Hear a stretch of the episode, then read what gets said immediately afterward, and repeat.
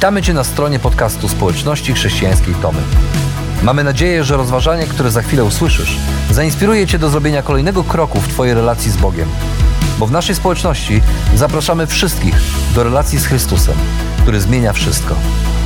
Dziękujemy za Twoje zainteresowanie i zapraszamy Cię do polubienia naszego profilu na Facebooku, Instagramie i YouTubie oraz ściągnięcia darmowej aplikacji na smartfona. Dobrego słuchania.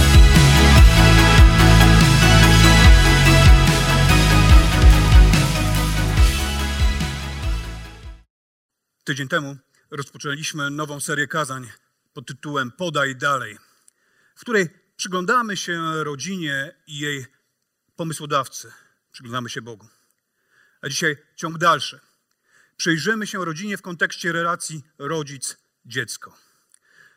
To temat nie jest łatwy, bo chociaż każdy z nas ma jakieś wyobrażenie tego, jak te relacje powinny wyglądać, to prawdziwe życie czasami nijak ma się do naszych marzeń o szczęśliwej rodzinie.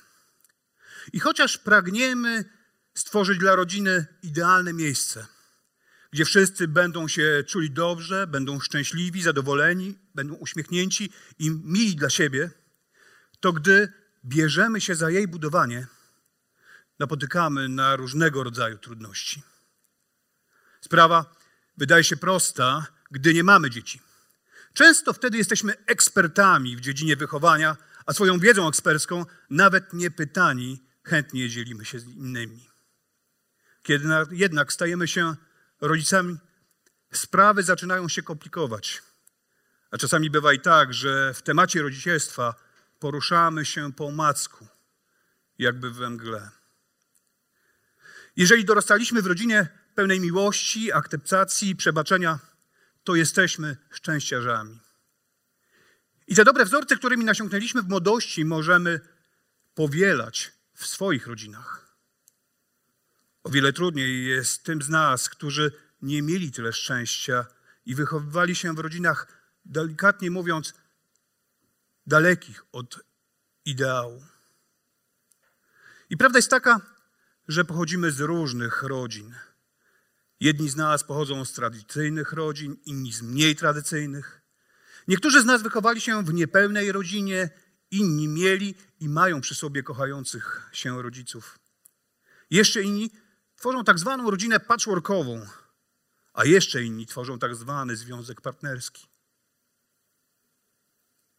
Wiele nas różni i stąd ta trudność, gdy zabieramy się za temat rodziny i relacji rodzic-dziecko. Jest jednak kilka rzeczy, które dla wszystkich nas są wspólne. Po pierwsze, nikt z nas nie miał wpływu, nie miał, wy, e, nie miał wyboru, w jakiej rodzinie przyszedł e, na świat, w jakiej rodzinie się urodził. Nikt z nas nie mógł wybrać swoich rodziców. Możesz wybrać sobie znajomych, przyjaciół, dziewczynę, męża, ale nie można wybrać swoich rodziców.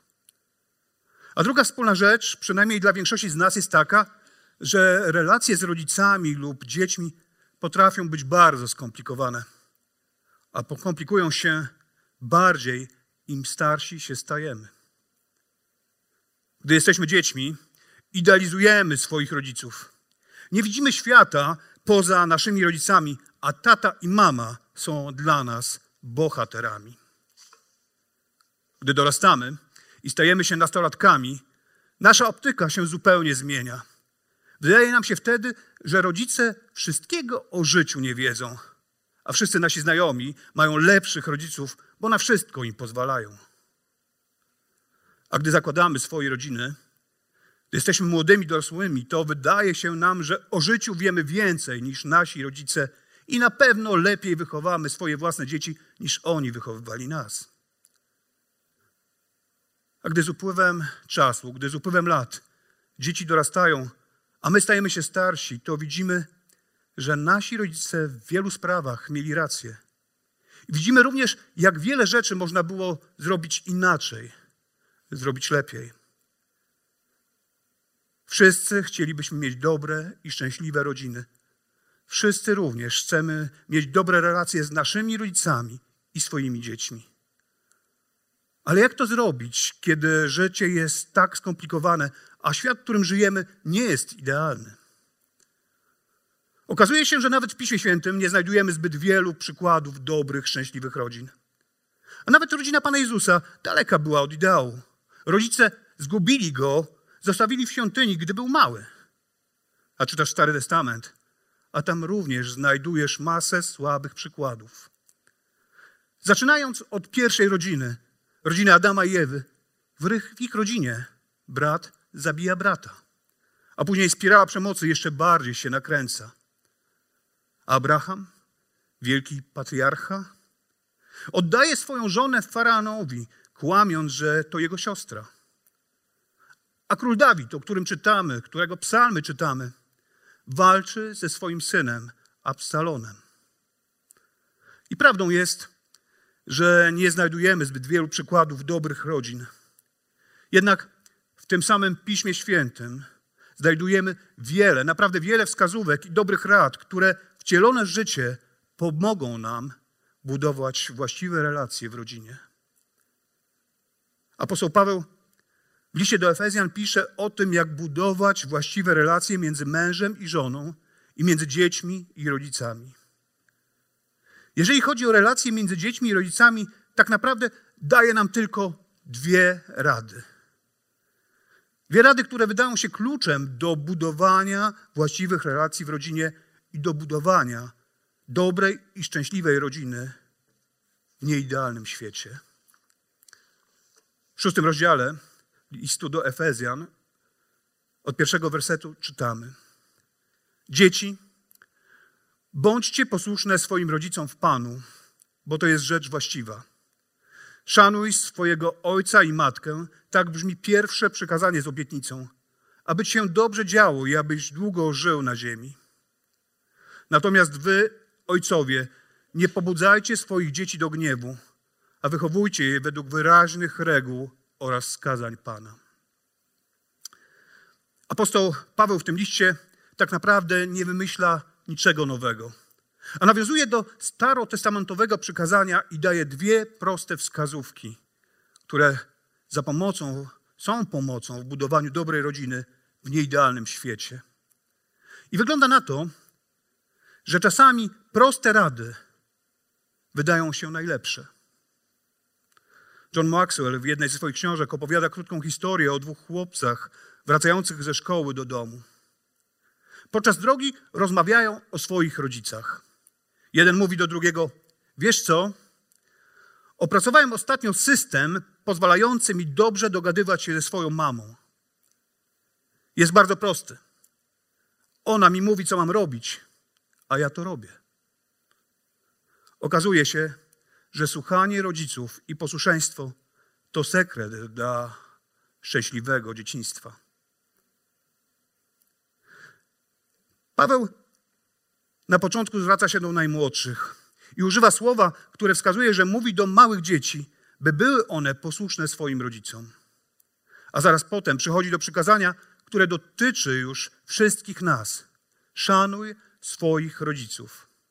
Jest to pierwsze przykazanie, które mówi o relacjach międzyludzkich i jedyne, które odnosi się do rodziny, a więc jest ono podstawą i fundamentem, na którym możemy budować, na którym powinniśmy budować szczęśliwą rodzinę. Jest to również pierwsze przykazanie z obietnicą. Poczytamy w nim, aby ci się dobrze działo i abyś dobrze żył, abyś długo żył na tej ziemi. Jeżeli jesteśmy dziećmi i podaliśmy swoje życie Bogu, to będziemy chcieli szanować swoich rodziców nawet wtedy, kiedy nie jest to łatwe. Nawet wtedy, kiedy wydaje nam się to zupełnie niemożliwe. A to dlatego, że rozumiemy, że nasz szacunek dla rodziców jest wyrazem naszego szacunku i miłości wobec Boga, naszego Boga. A ten szacunek do rodziców w różnym momencie w życiu różnie się wyraża.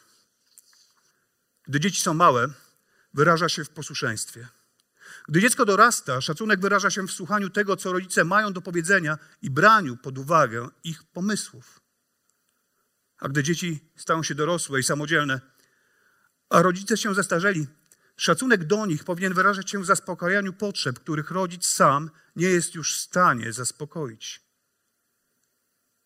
A jeszcze innym sposobem okazywania szacunku rodzicom jest wypełnianie swoich życiowych obowiązków, swoich życiowych ról tak dobrze, jak to tylko potrafimy. A Pismo Święte uczy nas, że szanowanie jest przykazaniem od Boga, a nie możliwością do wyboru. A co z trudnymi rodzicami? Co z tymi, którzy słabo przykładali się do swoich rodzicielskich obowiązków? To Boże polecenie.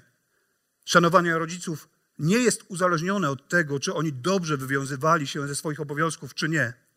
Jesteśmy winni szacunek swoim rodzicom nie z powodu tego, co zrobili albo czego nie zrobili, ale z powodu tego, że są naszymi rodzicami. Okazywanie szacunku to decyzja. To decyzja, która często nie ma nic wspólnego z tym, jak się czujemy lub co czujemy. Gdy jesteś dorosły, to nie zawsze musisz słuchać swoich rodziców. Nie musisz, nie musisz być im posłuszny, ale zawsze, naprawdę zawsze musisz ich szanować. Dzięki Bogu, gdy stajemy się dorośli, to umiemy rozróżnić szacunek od posłuszeństwa, zaufania i bliskości. A to właśnie, to właśnie rozróżnienie szacunku od słuchania jest pomocne w sytuacjach, gdy stajesz się naśladowcą Chrystusa, a twoi rodzice nie pochwalają twojej decyzji. Albo chcą, żebyś posłał dziecko do komunii lub ochrzcił je tuż po urodzeniu, bo co powie inna część rodziny? Bo co powiedzą znajomi? A Biblia mówi, że masz słuchać Pana Boga. Paweł napisał: Bądźcie posłuszni w Panu, co oznacza, że posłuszeństwo Bogu jest na pierwszym miejscu. Ale to, co pismo mówi, to to, że mamy ich szanować. Wiktor Frank był jednym z niewielu, którzy przeżyli Holokaust. We wstępie do swojej książki Człowiek w poszukiwaniu sensu napisał: Czytelnicy mogą być ciekawi, dlaczego nie próbowałem uciec przed wszystkim, co zgotował mi los. I to zaraz po zajęciu Austrii przez Hitlera. W odpowiedzi dzieli się pewną osobistą historią. Na krótko przed przystąpieniem Stanów Zjednoczonych do II wojny światowej otrzymałem zaproszenie do konsulatu amerykańskiego w Wiedniu w celu odebrania wizy imigracyjnej. A moi starsi rodzice byli bardzo szczęśliwi, ponieważ oznaczało to, że wkrótce będę mógł opuścić Austrię. Jednak nagle w mojej głowie piszę, pojawiły się wątpliwości, czy naprawdę stać mnie na to, żeby zostawić rodziców samych, aby zostawić ich, by, byli, by sami stawiali czoła temu, co było nieuniknione, a więc wysłania do obozu koncentracyjnego, a może nawet do obozu śmierci.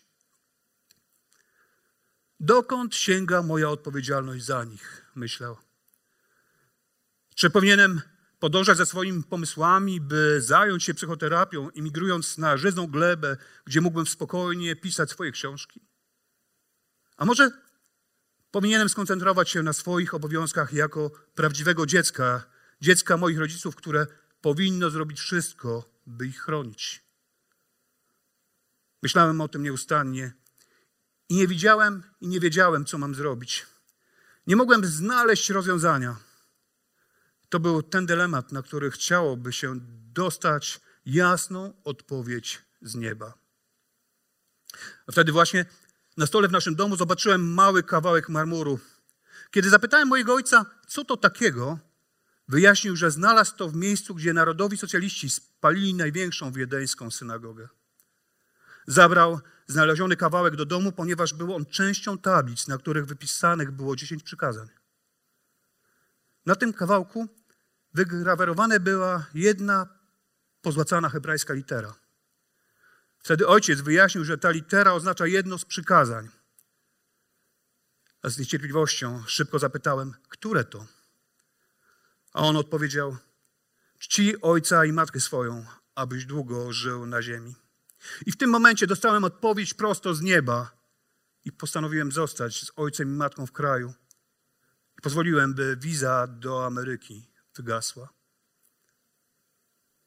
W tym wypadku okazanie szacunku oznaczało pozostanie ze starszymi rodzicami.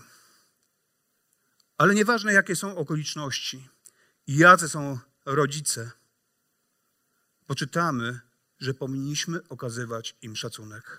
Dlaczego? Dlatego, że jest to rzecz właściwa, a Pan błogosławi tych, którzy tak robią.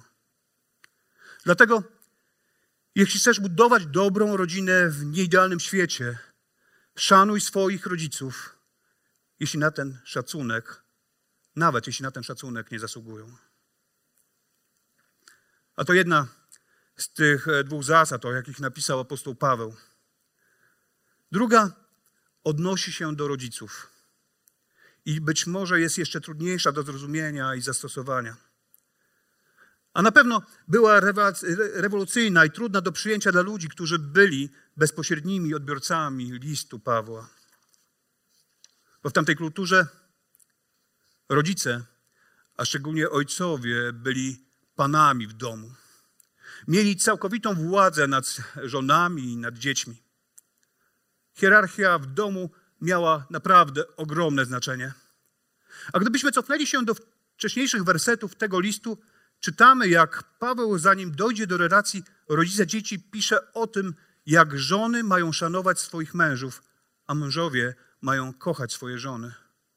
A później przechodzi do tego, by dzieci szanowały rodziców, ale rodzice mają nie pobudzać do gniewu swoich dzieci. Aż w końcu dochodzi do relacji sługa-pan. I pisze, by słudzy byli posłuszni i szanowali swoich panów, a do panów napisał, a wy, panowie, podobnie postępujcie względem nich. Te słowa naprawdę musiały wtedy szokować, ale były naturalnym następstwem tego, o czym Paweł pisał we wcześniejszym rozdziale. Bądźcie względem siebie nawzajem ulegli z szacunku do Chrystusa. Okazuje się, że przed Bogiem wszyscy są równi. Mąż, żona, dziecko.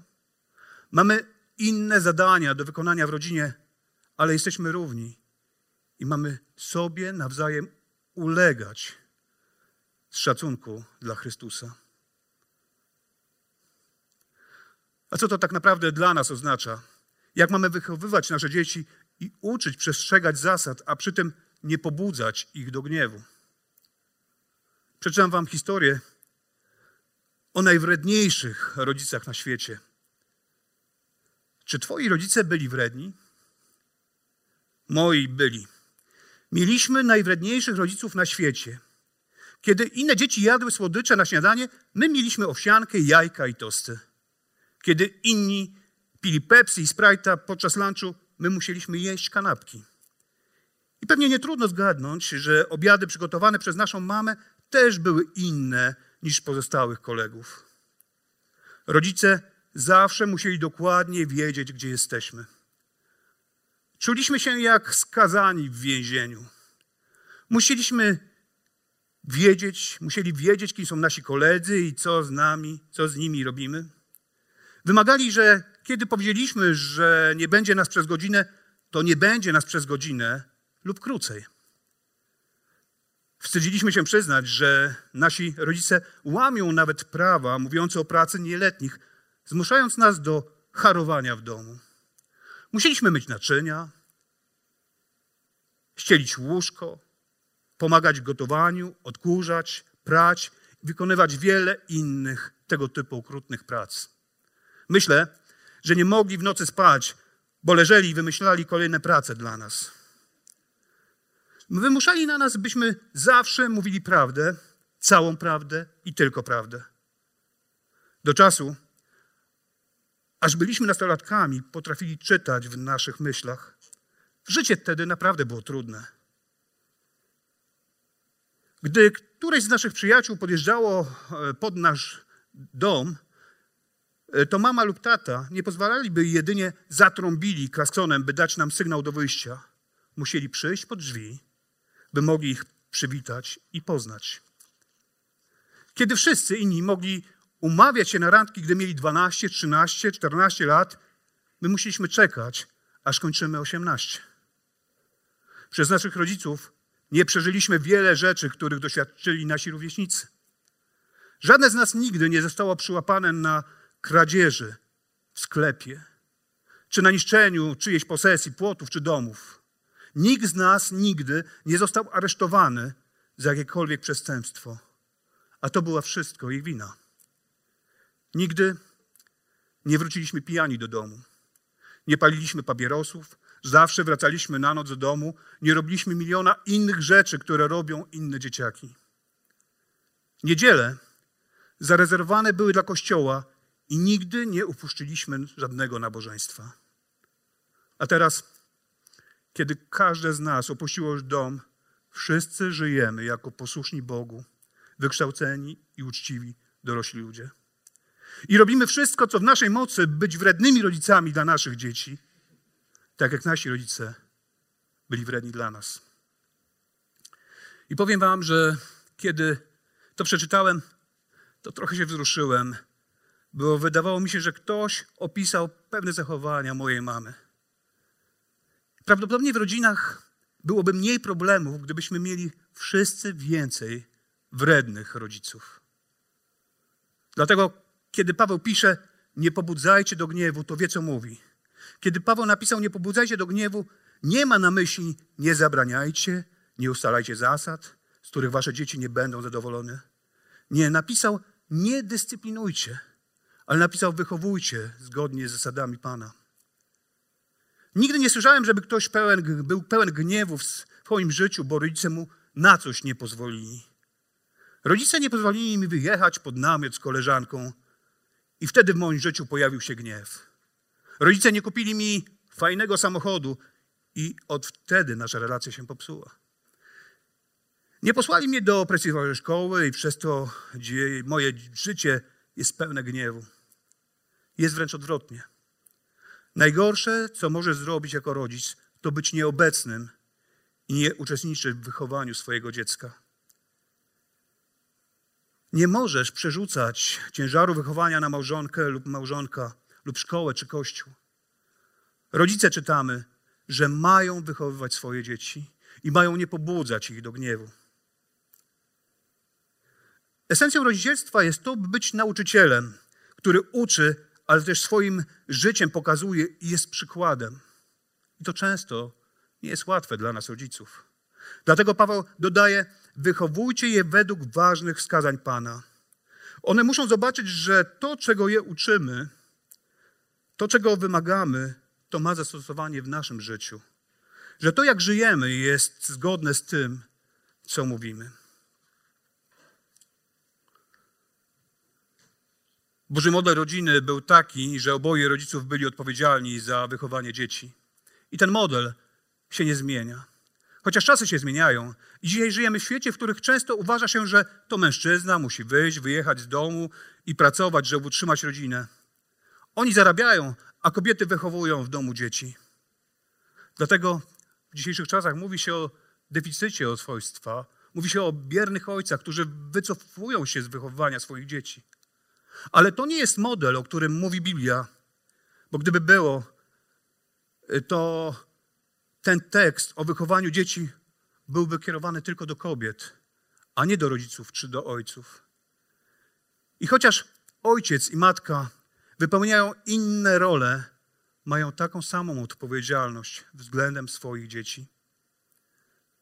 Bo jeżeli chcesz budować dobrą rodzinę w nieidealnym świecie, to wychowuj swoje dzieci w miłości i pamiętaj, by Twoje zachowanie nie było dla nich powodem do upadku. Możesz powiedzieć, to wszystko brzmi bardzo dobrze. To wszystko brzmi bardzo dobrze, ale życie nie jest takie proste. Nie wiesz, przez co przeszedłem w moim dzieciństwie. Nie wiesz, ile już razy próbowałem czy próbowałam wyciągnąć rękę do mojego ojca czy do mojej matki. Nie wiesz, jak straszne są moje dzieci. I to prawda. Nie do końca wiem, co przechodzisz. Ja mam ten przywilej, to błogosławieństwo, że mam wspaniałą mamę, która zapoznała mnie z Jezusem Chrystusem która powiedziała mi Ewangelię, dzięki której się nawróciłem i na nowo narodziłem. Mam mamę, którą szanuję i kocham, która nie była wredną matką. Mam też ojca, z którym parę lat temu, po kilkunastoletniej przerwie, na nowo udało mi się nawiązać relacje. I uwierz mi, nie było to łatwe, ale się udało. I dzisiaj uczę się, jak być dorosłym synem starzejącego się już ojca, a mój ojciec uczy się, jak być ojcem dla dorosłego syna. I staram się okazywać mu szacunek, chociaż nie jest to łatwe. I staram się go kochać, chociaż to również nie jest łatwe. I słyszałem, tak jak ty, wiele historii, historii trudnych rodzin, historii, które wcale nie musiały się dobrze skończyć. A jednak, gdy pojawił się Bóg, to udało się im przebaczyć, budować wszystko od nowa na właściwym fundamencie. A jeśli myślisz, że Twoja sytuacja jest naprawdę beznadziejna, jest do bani, nic się z tym nie da zrobić, to posłuchaj tej historii. Mam zgodę, aby tę historię Wam opowiedzieć. A wczoraj, wczoraj była sobota i razem z moją żoną uczestniczyłem w niezwykłym przyjęciu. Zostaliśmy zaproszeni na 50. urodziny. Przy stole siedział szacowny jubilat razem z żoną i ze swoją 78-letnią mamą. Mamą, w której relacje różnie się układały. Były tam również jego dorosłe córki z zięciami i dzieci, a po domu gdzieś tam biegały pozostałe ich dzieci. Na stole wspaniałe jedzenie przygotowane przez żonę jubilata. Naprawdę było dużo, dużo dobrego, smacznego jedzenia. Atmosfera była bardzo miła, a ja przed jedzeniem zostałem poproszony o to, aby się pomodlić. I wiecie, że nigdy nie odmawiam takiej modlitwy. I staram się przed jedzeniem modlić bardzo krótko, ale, ale wtedy bałem się, że się rozpłaczę. I nie ze smutku, ale z radości. Bo jeszcze kilka miesięcy temu tej rodzinie niewielu dawało szansę. I wszystko wskazywało na to, że się rozpadnie, że przestanie istnieć. Bo kilka miesięcy temu świat całkowicie im się zawalił. A jego żona zaczęła brać narkotyki, a on po kilku latach abstynencji zaczął na nowo pić. A w tym wszystkim najbardziej cierpiały ich małe dzieci, ich trójka małych dzieci. I często zostawały same na noc. A pewnej nocy ktoś zadzwonił na policję, dzieci trafiły do rodziny zastępczej, a pani z Miejskiego Ośrodka Pomocy Społecznej skierowała ich do, do naszej poradni. Jego żona wiedziała, że warunkiem powrotu do dzieci, e, dzieci do domu jest podjęcie przez nią leczenia i pojechała do ośrodka. On zaczął spotykać się z jednym z naszych terapeutów poradni, czasami przychodził do, na nasze nabożeństwa. A ponad rok temu pojechał z panami na spływ kajakowy w ramach męskiej sprawy. A po powrocie, poekscytowany i zadowolony z tego, co przeżył, dowiedział się, że jego żona przerwała leczenie, że poznała kogoś w ośrodku i że teraz z innym facetem chce na nowo układać sobie życie. On się nie załamał, ale z wiarą zaczął prosić Boga o pomoc i wywiązywał się ze swoich obowiązków, jakie sąd na niego nałożył. Przestał pić i regularnie widywał się swoimi dziećmi. I robił wszystko, co mógł, żeby dzieci do niego wróciły. I tak się stało. Zwyciężył kolejną bitwę. Już nie tylko o swoją trzeźwość, ale, ale tym razem o swoje dzieci, o swoją rodzinę. Sąd przywrócił mu pełnię praw rodzicielskich, dzieci do niego wróciły, a w tym wszystkim nie zapomniał o swojej, o swojej żonie, która nie pamiętała o nim. I nie wiem, jak mu się to udało, ale w czasie jednej z telefonicznych rozmów przekonał ją do powrotu do domu i do podjęcia przez nią leczenia. Jeszcze raz. I znowu znaleźli się razem w naszej poradni, a po pewnym czasie przyszli razem na nabożeństwo. I było to szczególne nabożeństwo połączone z chrztem, i on na wezwanie wyszedł do przodu i został ochrzczony. A w następnym tygodniu ona pojechała do środka na leczenie, gdzie się nawróciła i we wrześniu w minionym roku w kościele w miastku na znak tego, że wierzy, została ochrzczona.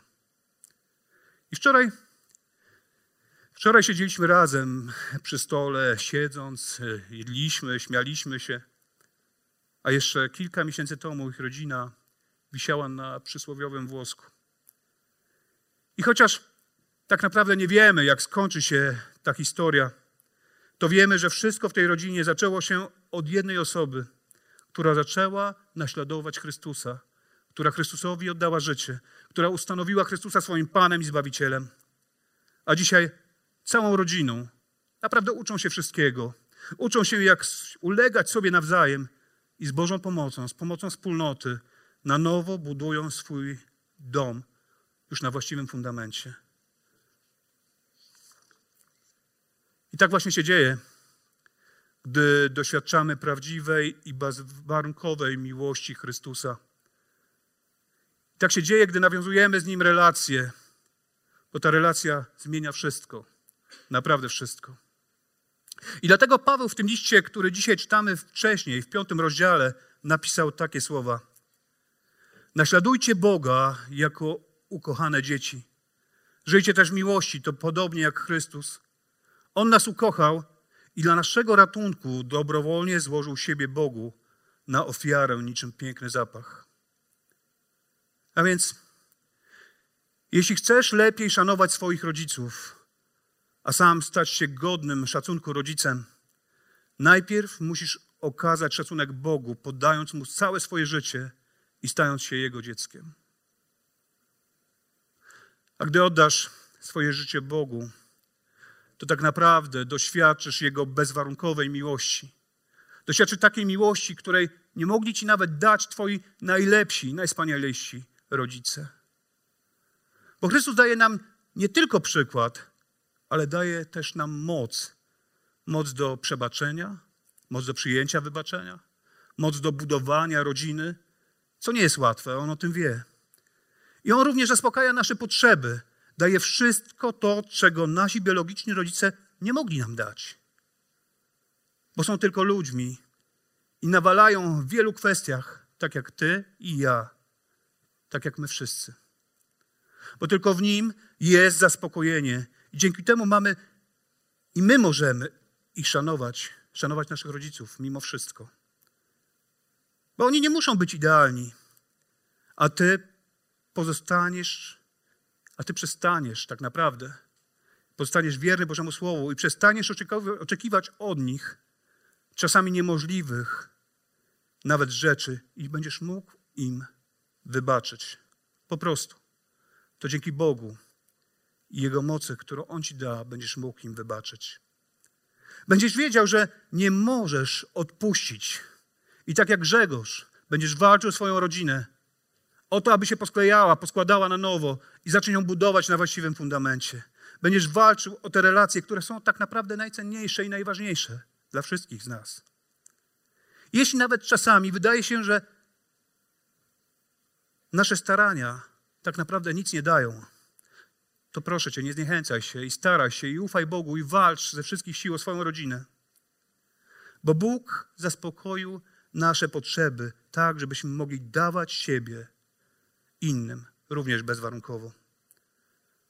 A być może kiedyś zobaczysz, jak Twoja postawa będzie świadectwem dla innych, dla innych w Twojej rodzinie i przyprowadzisz ich do żywej relacji z Jezusem.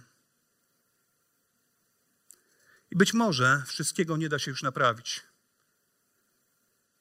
bo nie mamy wpływu na to, co za nami. Nie cofniemy czasu. Być może nie da się wszystkiego naprawić Twojej relacji z rodzicami czy dorosłymi już dziećmi. To jednak dzięki Chrystusowi możesz pokazać kolejnemu pokoleniu. Możesz pokazać kolejnemu pokoleniu i przekazać kolejnemu pokoleniu, jak Bóg chce, żebyśmy żyli i troszczyli się o siebie w rodzinie. I może nie masz już rodziców, może nie masz dzieci, ale chcę, żebyś wiedział, że jesteś częścią wielkiej rodziny. Rodziny, która jest Kościołem, która jest wspólnotą, a której głową jest Jezus Chrystus. A więc Twoim dzieciom lub wnukom, lub dzieciom twoich, e, Twojego rodzeństwa będzie o wiele łatwiej, bo zobaczą tą miłość Boga w Tobie. Bo tylko poprzez doświadczenie bezwarunkowej miłości Boga możemy być wolni do tego, żeby prawdziwie szanować swoich rodziców i być przykładem dla swoich dzieci.